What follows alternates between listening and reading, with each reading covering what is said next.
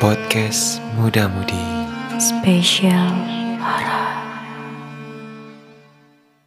Hai, kembali lagi bareng kita berdua di podcast Muda Mudi Spesial Horror. Bareng sama gue Zulfah, aka Jupe, Dan juga tentunya ada gua Farid dan kita berdua pastinya akan ngebahas tentang hal-hal mistis yang terjadi di sekeliling kita atau juga dari kiriman teman-teman muda-mudi yang sudah mengirimkan ceritanya ke kita. Dan sebelum kita mulai kita masih membuka kesempatan untuk seluruh teman-teman yang ingin membagikan cerita pribadinya terkait hal mistis Eh, Kita selalu membuka melalui email ataupun eh, sosial media yang kami punya Silahkan dikirim aja ke email kita di pemudafm@gmail.com atau melalui Instagram dan Twitter di, di, Pemuda FM. Pemuda FM. Oke, saat ini Kak Farid, Dan tentunya kita di sini berdua mhm, nggak cuma berdua ya, Betul. melainkan kita ditemani salah satu anak muda yang turut hadir di ruang studio. Dan teman kita ini akan turut membagikan bagaimana pengalaman pribadinya terkait eh, dunia kerjanya sebagai guru yang tentunya cukup ya, cukup sering mendengar dan mengalami secara langsung eh, hal-hal mistis yang terjadi di sekolah tempat teman Ia kita ini mengajar. mengajar, betul sekali. oke mungkin boleh dikenalin namanya siapa? Halo, eh, di sini eh, nama saya Firlia Sayuti. Saya bekerja di salah satu sekolah swasta yang terletak di Kota Tangerang. Yang mana beberapa kali eh, saya mengajar di sana eh, sempat mengalami hal kejadian-kejadian yang aneh sih menurut saya. Oke, Firly sebelumnya kita mau kasih gambaran ke anak muda yang mendengarkan podcast ini. Kira-kira udah berapa lama sih Firly sendiri mengajar di sekolah tersebut? Kurang lebih satu tahun. Satu tahun. Sering mengalami kejadian mistis ya? Iya, sering. sih. Sering, baik Mhm. itu mengalami secara pribadi ataupun dari dari teman-teman dari juga teman-teman. ya. Oke, dan anak muda sekalian, kali ini Farid dan Jupe akan temenin teman-teman semua dengan cerita yang tentunya berkaitan dengan wewe, Wewe gombel. Gombel. Mungkin muda-mudi semuanya udah sering banget ya ngedengar apa itu wewe gombel atau sering juga ngedengar mungkin kolong wewe kali ya. Betul sekali. Nah, sebenarnya kedua makhluk tersebut itu katanya berbeda. Hanya saja karena masyarakat kebanyakan udah mempercayai kalau misalnya kedua makhluk itu sama, akhirnya muncullah anggapan kalau memang itu adalah satu makhluk yang sama. Betul. Wewe gombel dan juga kolong, kolong wewe. wewe. Dan konon katanya eh, kolong wewe atau wewe gombel ini memang awalnya terjadi pada saat zaman Belanda yang sejarahnya mengatakan bahwa eh, terjadinya makhluk halus tersebut karena adanya pembantaian terhadap kaum wanita.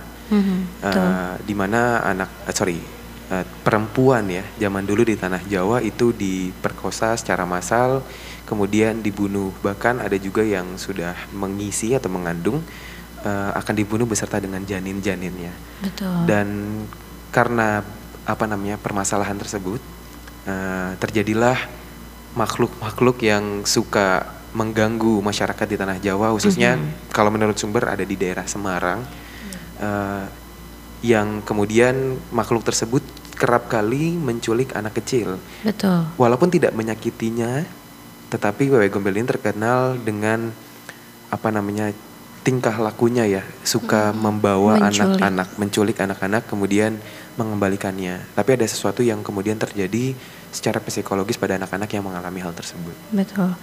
Dan memang em, kedua hantu tersebut itu dikatakan mereka ingin membalas dendam ya, membalas dendam kepada orang-orang yang memang sudah membunuh mereka secara paksa, sedang mereka sedang mengandung anak dan itu kenapa alasan mereka menculik anak-anak yang sedang bermain di luar pada saat maghrib itu karena konon katanya mereka itu ingin mengingatkan kepada orang tua dari anak-anak tersebut kalau misalnya mereka harus menjaga anaknya dengan baik seperti itu.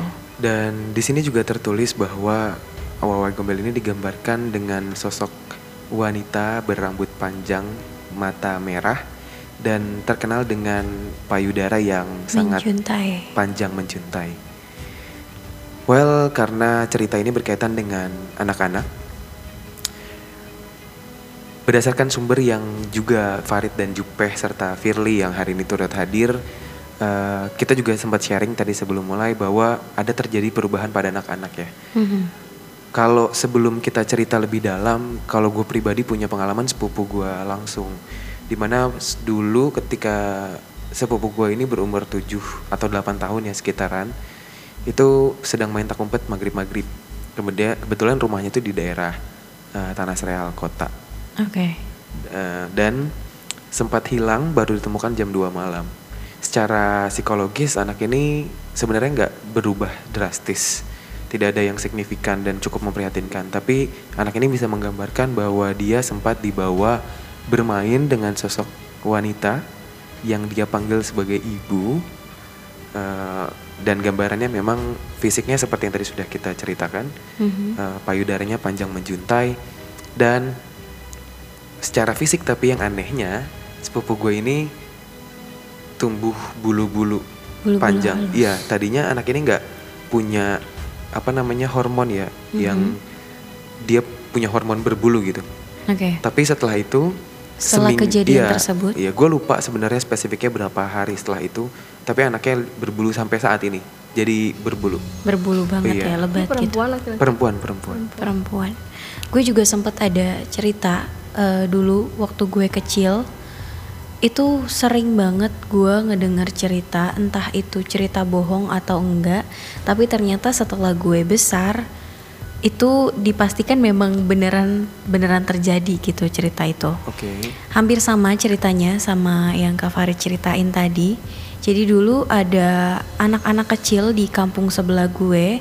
Mereka memang eh, seneng main gitu ya, seneng main sampai maghrib, sampai sore-sore dan segala macamnya. Dan kejadian lah gitu, ada satu anak yang hilang eh, sampai satu hari nggak ketemu gitu bener-bener dicari di mana pun gitu kejadiannya tiba-tiba si anak ini perempuan ya waktu itu anaknya perempuan dia lagi main sama teman-temannya tiba-tiba hilang gitu aja gitu Oke. entah itu main petak umpet atau apa mungkin kan karena anak-anak kecil main lari-larian dan segalanya dikiranya itu mereka apa dia diculik gitu Mm. tapi eh, karena dulu masih kental banget ya Iya.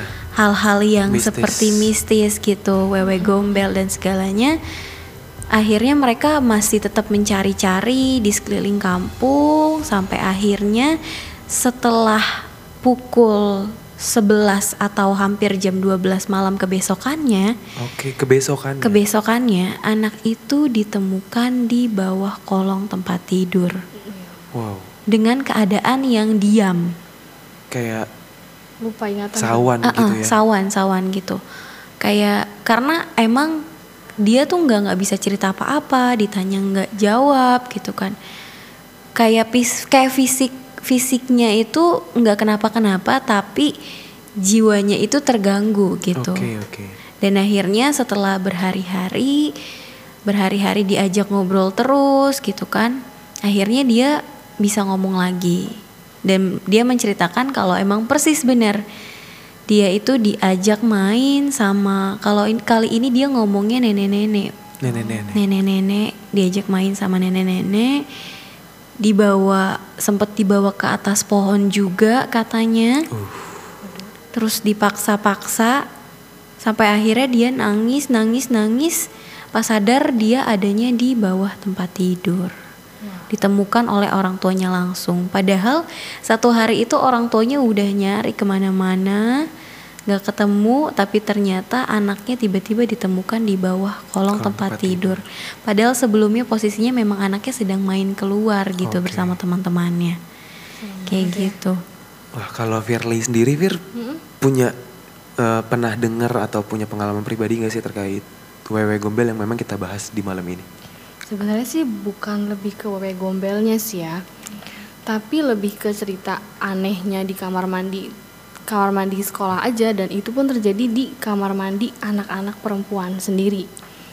Jadi waktu waktu hari apa nggak tahu lupa itu sore-sore memang anak-anak semua udah pada pulang nah terus eh, gue sendiri lagi mau ke kamar mandi Mm-mm. kebetulan ruang guru WC-nya itu kan lagi dipakai sama orang kan karena cuma satu. Ya udah dong gue lari langsung ke toilet perempuan. Yang mana itu tuh dulu belum di eh, belum direnov kayak sekarang. Itu ada sekitar 1, 2, 3, 4, 5 pintu kayaknya. Nah terus gue itu ada di pintu yang kedua. Nah semuanya kosong Oke. dan itu gue pastiin kerannya tuh mati semuanya Mhm. mati semuanya gue cuman hidupin eh, kamar mandi yang mana gue masukin doang Mhm. setelah gue keluar gue denger kok di paling ujung ada bunyi kucuran gitu dan gue nggak pikir panjang dan gue nggak pikir aneh-aneh langsung gue matiin dong Mm-mm. udah gue matiin nah terus gue pas eh, gue matiin itu gue keluar yang paling pertama kamar mandi yang paling pertama itu Mhm. itu nyala airnya. Gue matiin lagi dong. Nah terus tiba-tiba yang keempat itu nyala lagi. Nyala sendiri. Nyala sendiri. Ya udah gue matiin dan akhirnya yang tempat gue pipis itu itu nyala lagi. Dan gue nggak tahu harus apa dan akhirnya gue kabur sendiri sih. Dan terus gue cerita sama orang yang udah lama tinggal di situ eh oh, yang kerja di situ. Penjaga sekolah. Eh, bisa ya bisa dibilang penjaga sekolah ya memang. Memang udah banyak sering yang lihat kayak gitu. Mhm. kayak gitu sih. Oke. Kalau anak-anak yang di sekolah lu pernah ngalamin hal serupa nggak? oh Lu udah pernah pernah. Itu di lab science. Mm-mm. Eh, jadi waktu itu ada anak murid kelas 3 ini sih gue dengar dari temen gue sendiri. Mhm. murid kelas 3 itu dia ada pelajaran lab. Eh, di eh, sorry di lab IPA nah ceritanya ini anak ketinggalan Mhm. ya anak ketinggalan dan pakai sepatu dong pakai sepatunya tuh eh, ketinggalan sama teman-temannya gitu loh Mhm. terus dia bilang katanya ada yang dadah-dadah dah sama dia di jendela di jendela di lab. jendelanya iya di jendela lab lab IPA itu ya terus eh, gurunya sih udah nggak heran karena gurunya juga udah cukup lama di situ dan udah tahu mungkin ya Mhm. banyak sih sebenarnya dan di perpustakaan juga pernah dilihat sama orang yang waktu persami kebetulan kita persami waktu itu di sekolah malam-malam dan itu pun sama ada yang dadah-dadah juga dari kaca perpustakaan Selalu dada-dada Oke, ya. Selalu dada-dada dada-dada sih. ya. Tapi digambarin gak sih Fir dari sumber informan yang ada di sekolah perempuan lu? sih Bentuknya kayak gimana? perempuan rambutnya panjang yang gue tahu itu doang karena gue nggak mau kepo-kepo apa-apa lagi takutnya gue Kepikiran. takut kepikiran iya gitu jadi oh cukup tahu aja udah gitu. dan sampai sekarang pun nggak pernah yang namanya kamar mandi sendiri. Ke mana-mana sendiri. Kalau sepi tuh ya udah mending tunggu lapangan aja gitu sih. Sekolah mungkin identik sama kayak gitu-gituan betul. Ya iya betul. Apalagi sekolah itu kan tempat anak-anak ya. Makhluk halus itu kan terkenal Iya. eh, Seneng ya? Iya, seneng sama anak-anak gitu ya. apalagi elementary school kan mereka belum tapi bisa banget untuk siram untuk bersih-bersih di kamar mandi gitu. Jadi mungkin lebih sering kejadian sih. Kejadian betul. Memang kalau di sekolah itu kebanyakan kayak di tempat labnya di Iya. perpustakaan di tempat-tempat yang mungkin memang sepi dan kayak saat-saat tertentu aja gitu dipakainya sama anak-anak gitu kan. Tapi ngomongin soal sekolah dan maghrib-maghrib nih ya gue juga pernah ngalamin waktu zamannya gue sekolah nih Kak Farid dan Kak Firly. Yes. Jadi waktu zamannya gue sekolah itu gue ikut ekskul nari, ikut ekskul nari sampai sore. Memang kan setelah pulang sekolah kan, sampai sore. Setelah eh, sampai sore itu gue pulang bersih bersih dari kamar mandi sekolah, melewati lorong yang emang udah gelap banget. Posisinya itu maghrib dan kelas-kelas ya semuanya udah pada kosong gitu. Lampu di sekolah pun dinyalainnya hanya beberapa di lorong tersebut. Jadi ada sisi yang gelap dan ada sisi yang terang gitu. Ketika gue lagi jalan, teman-teman gue dua orang udah jalan duluan di depan gue. Karena gue ribet sama tali sepatu gue juga ya kan, sama kejadiannya kayak anak muridnya Kak Firly. Jadi uh, gue ribet sama tali sepatu gue, akhirnya gue belakangan dan temen gue jalan duluan berdua. Hmm. Setelah gue jalan, uh, lorong gue itu kan letter L ya. hmm Jadi arah pintu keluar itu lurus dan ada lagi lorong yang ke arah kanan gitu. Yeah. Saat gue jalan pelan-pelan, tiba-tiba ada yang manggil gue dari lorong sebelah kanan. Dari dalam ruang kelas manggil Zulfa. Seriusan? Gue langsung nengok dong ke kanan. Gelap lorongnya, kelas semuanya mati. Gak mungkin ada anak murid di situ atau ada temen gue yang ngumpet dan ngapain juga maghrib maghrib kan hmm. di sekolah. Gue nengok, gue kaget, gue langsung lari nyamperin temen gue. Gue bilang ada yang manggil gue barusan gitu. Sedangkan di sekolah cuma sisa kita doang bertiga gitu. Yang lain mungkin ada tapi posisinya ada di depan sekolah. Udah nggak di dalam sekolah lagi dan itu yang momen yang paling menakutkan banget sih di sekolah kalau bagi gue emang sekolah identik banget dengan hal-hal mistis hal-hal ya? mistis kayak gitu oke nah balik lagi nih soal wewe gombel yang jadi topik pembahasan kita di malam ini Gue juga lagi dapat berita nih tentang kejadian yang terjadi pada salah satu anak di kota Tegal. Mm-hmm. Usianya lima tahun. Dan kebetulan anak ini memang sedang main ya pada saat maghrib. Nah cerita ini tuh sebenarnya cukup menjadi perhatian warga di daerah Tegal karena masuk ke uh, media juga ya. Mm. Uh, di mana cerita ini mencerit, sorry anak ini diceritakan uh, anak ini meng, di, mengaku secara langsung ke orang tuanya bahwa dia ini sempat diculik oleh seorang ibu. Nah, ibunya ini awal dia kenapa mau ikut sama sosok ini karena sosok ini menyerupai ibunya. Tapi membawa anak ini yang usia lima tahun ke tengah hutan. Hmm, okay. Dan ketika di tengah hutan ternyata anak ini melihat bahwa sosok ibu yang ia lihat itu berubah wujud dengan rambut yang panjang hmm. sampai mata kaki hmm. dan payudaranya sangat besar menggantung. Anak itu sempat teriak katanya di tengah uh, tengah hutan. Ini usia lima tahun tapi cukup pintar ya untuk mendeskripsikan kejadiannya. Mm-hmm. Katanya dia teriak itu minta tolong sama ibunya karena dia nggak percaya bahwa yang dia lihat itu berubah wujud. Mm-hmm. Dia sempat mau peluk wewe gombel ini, tapi ternyata wewe gombel ini kemudian memeluk erat anak ini dengan payudaranya. Oh my god. Dan dengan tatapan kosong. Kemudian ditemukan pada pukul 11 malam jam 23.00 anak ini dalam keadaan telanjang bulat tanpa busana. Wah. Zaki ya. Ini terjadi pada tahun 2019. Jadi memang kita bisa percaya nggak percaya ya. Hmm.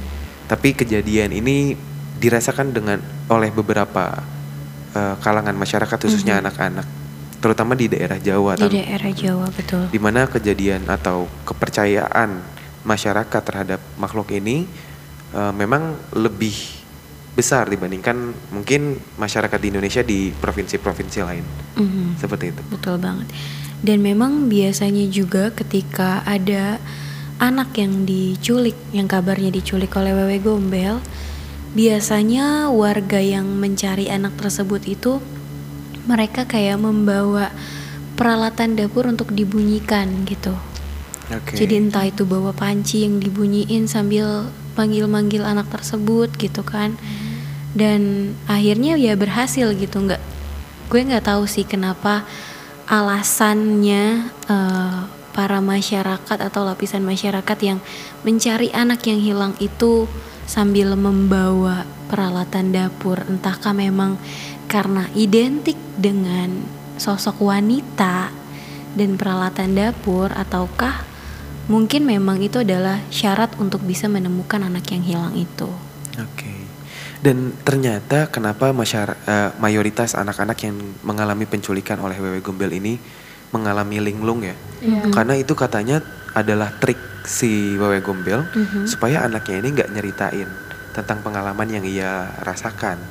Seperti itu. Itu wow lumayan ya? Lumayan. Lumayan serem ya? Kalau lu Fir sendiri di daerah rumah lu itu enggak sih? Apa maksudnya sempat ada pas kita kecil ya kita kan sering mm -hmm. banget dikasih sama orang tua udah maghrib pulang gitu nggak boleh main lu pernah nggak digituin Pernah. Pernah.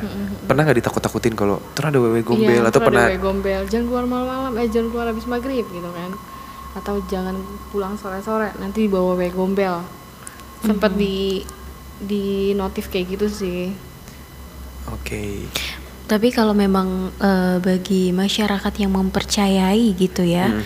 Memang itu benar adanya gitu. Tapi bagi masyarakat yang mungkin berpikirannya realistis, mungkin mereka berpikiran kalau memang tidak baik gitu seorang anak bermain sampai larut malam gitu ya, atau sampai eh, sebelum maghrib belum pulang gitu.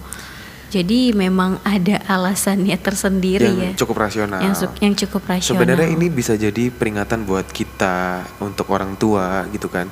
Di mana kalau kita punya saudara yang masih kecil, kita punya anak yang masih kecil itu wajib banget dijaga. Mhm, Iya. betul Apalagi banget. waktu maghrib tuh kan ya kita wajib di rumah lah ya. Kalau sampai keluar-keluar ya menghindari aja kejadian-kejadian yang gak kita yang inginkan. gak kita inginkan Gitu. betul banget Nah balik lagi kita mau dengar secara langsung cerita Firly nih soal Mm-hmm. kejadian di sekolah. Ada kejadian lain gak Fir? Yang apa ya Yang bisa jadi Mm-hmm. mungkin- gempar gitu di sekolah lu, Mhm. Tempat lo ngajar. So far sih cuman itu aja sih.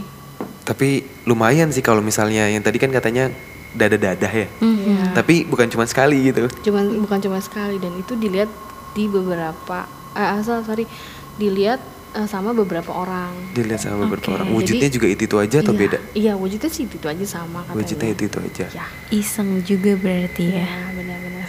Oh. Oke.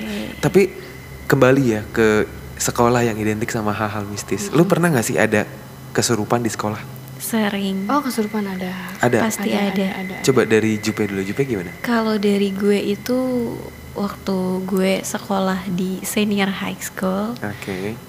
belum lama ya berarti ya masih beberapa tahun yang lalu itu gue taunya ketika gue udah kelas 3 SMA gue baru tahu kalau misalnya SMA gue emang rada-rada mistis gitu kan Hmm. Sempet beberapa kali tanpa gue sadari juga gue mengalami sendiri gitu kejadian itu kayak tadi. Yang sebelumnya gue ceritain yang gue dipanggil lah. Atau ternyata gue juga pernah sekelibet ngeliat di saat kelas pagi-pagi masih pada kosong gitu kan. dan ternyata ada cerita di balik itu semua kalau memang katanya sekolah gue itu em, pernah banget mengalami yang namanya kesurupan massal waktu gue kelas 10-nya Mm-mm. gitu jadi kayak kakak kelas gue itu jadi eh, tingkatan di sekolah gue itu semakin tinggi kelasnya berarti adanya di lantai paling atas gitu Oke. biasanya kelas 10 di lantai paling bawah kelas 11 di lantai Tengah. tengah dan kelas 12 di lantai Atas. atas dan yang kesurupan itu di lantai yang paling atas gitu. Dan alasannya karena kalau nggak salah ya kalau nggak salah itu karena sekolah gue itu direnovasi. Hmm. direnovasi dan juga enggak ada makanan yang diberikan. Oh. Syaratnya nggak syaratnya nggak Sesajen dilakuin. ya. iya. Nggak ada sesajen yang diletakkan.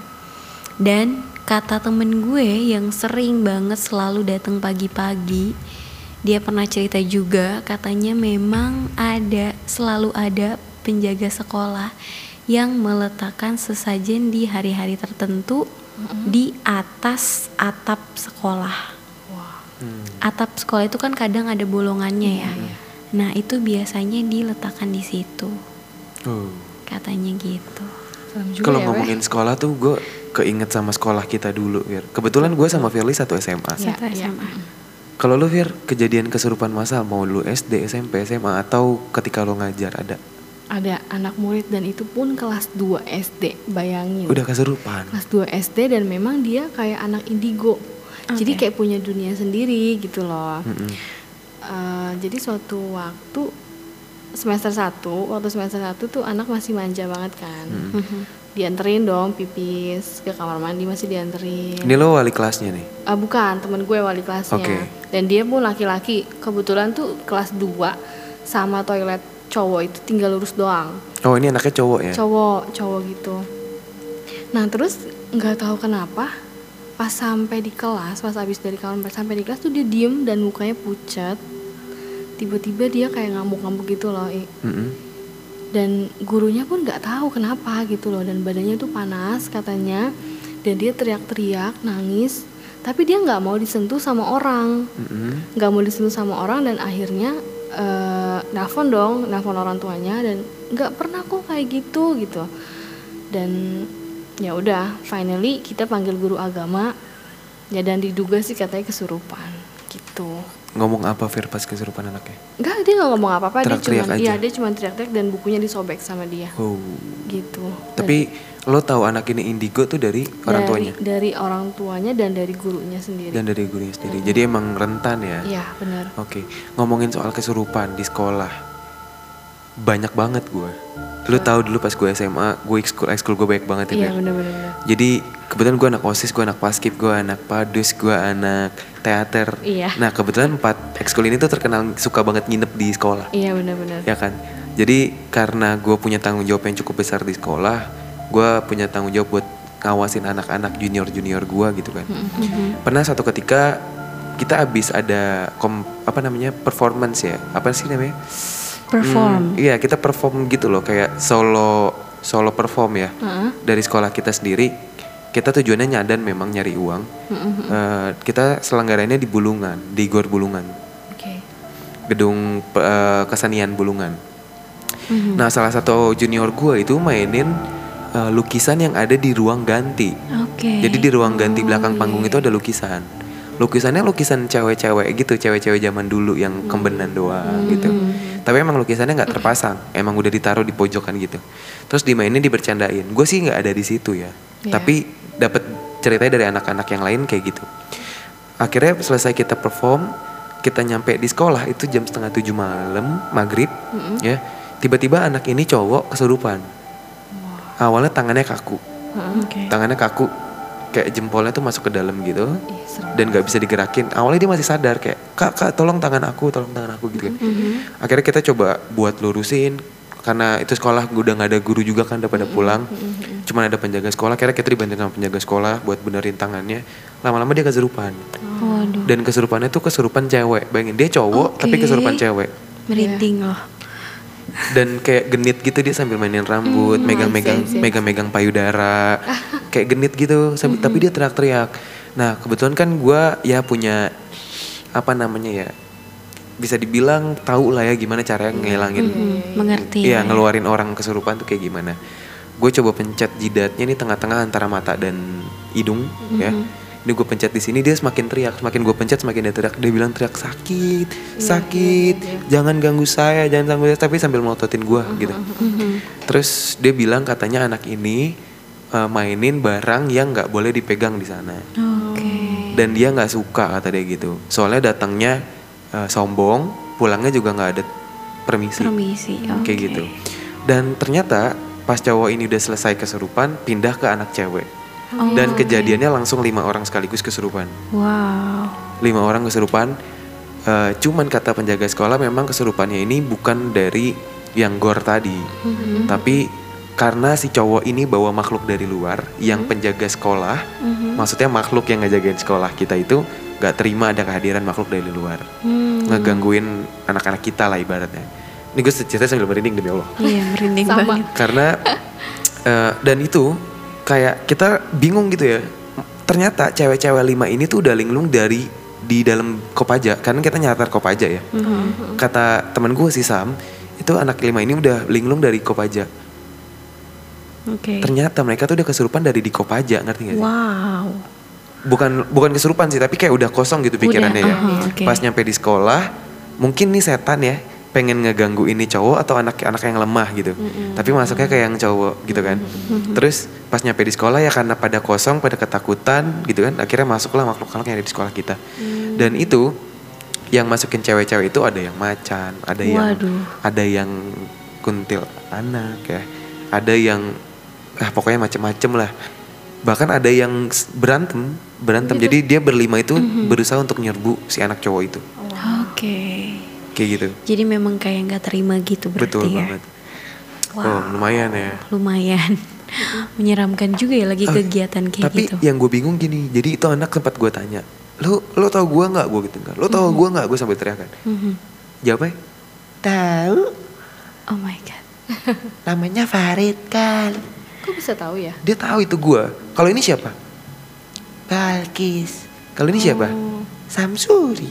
Tapi genit ngomongnya. Oke, oke. Kayak, terus ngapain lo di sini gue bilang gitu kan? Mhm. Tinggalin temen gue gue bilang gitu.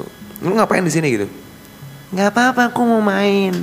Tadi kan udah mainin mainin mainan aku kayak gitu. Mhm. Terus aku sekarang mau main sama kalian dia bilang. Oh my god.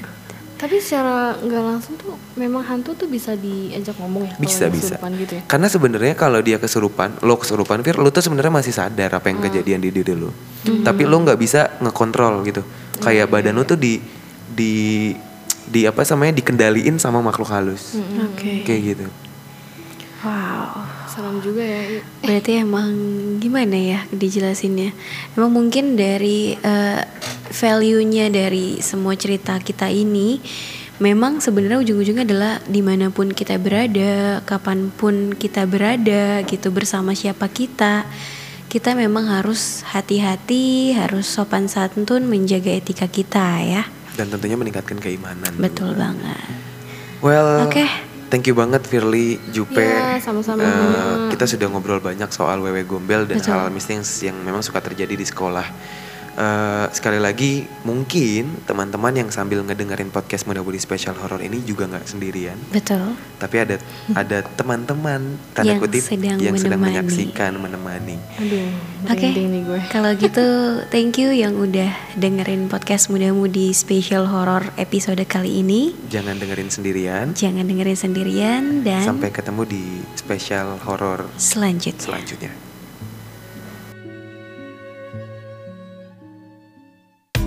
Hai anak muda, Jangan lupa dengerin podcast Muda Mudi. Hanya di platform podcast digital favorit kalian. Setiap hari Senin jam 7 malam. Jam 7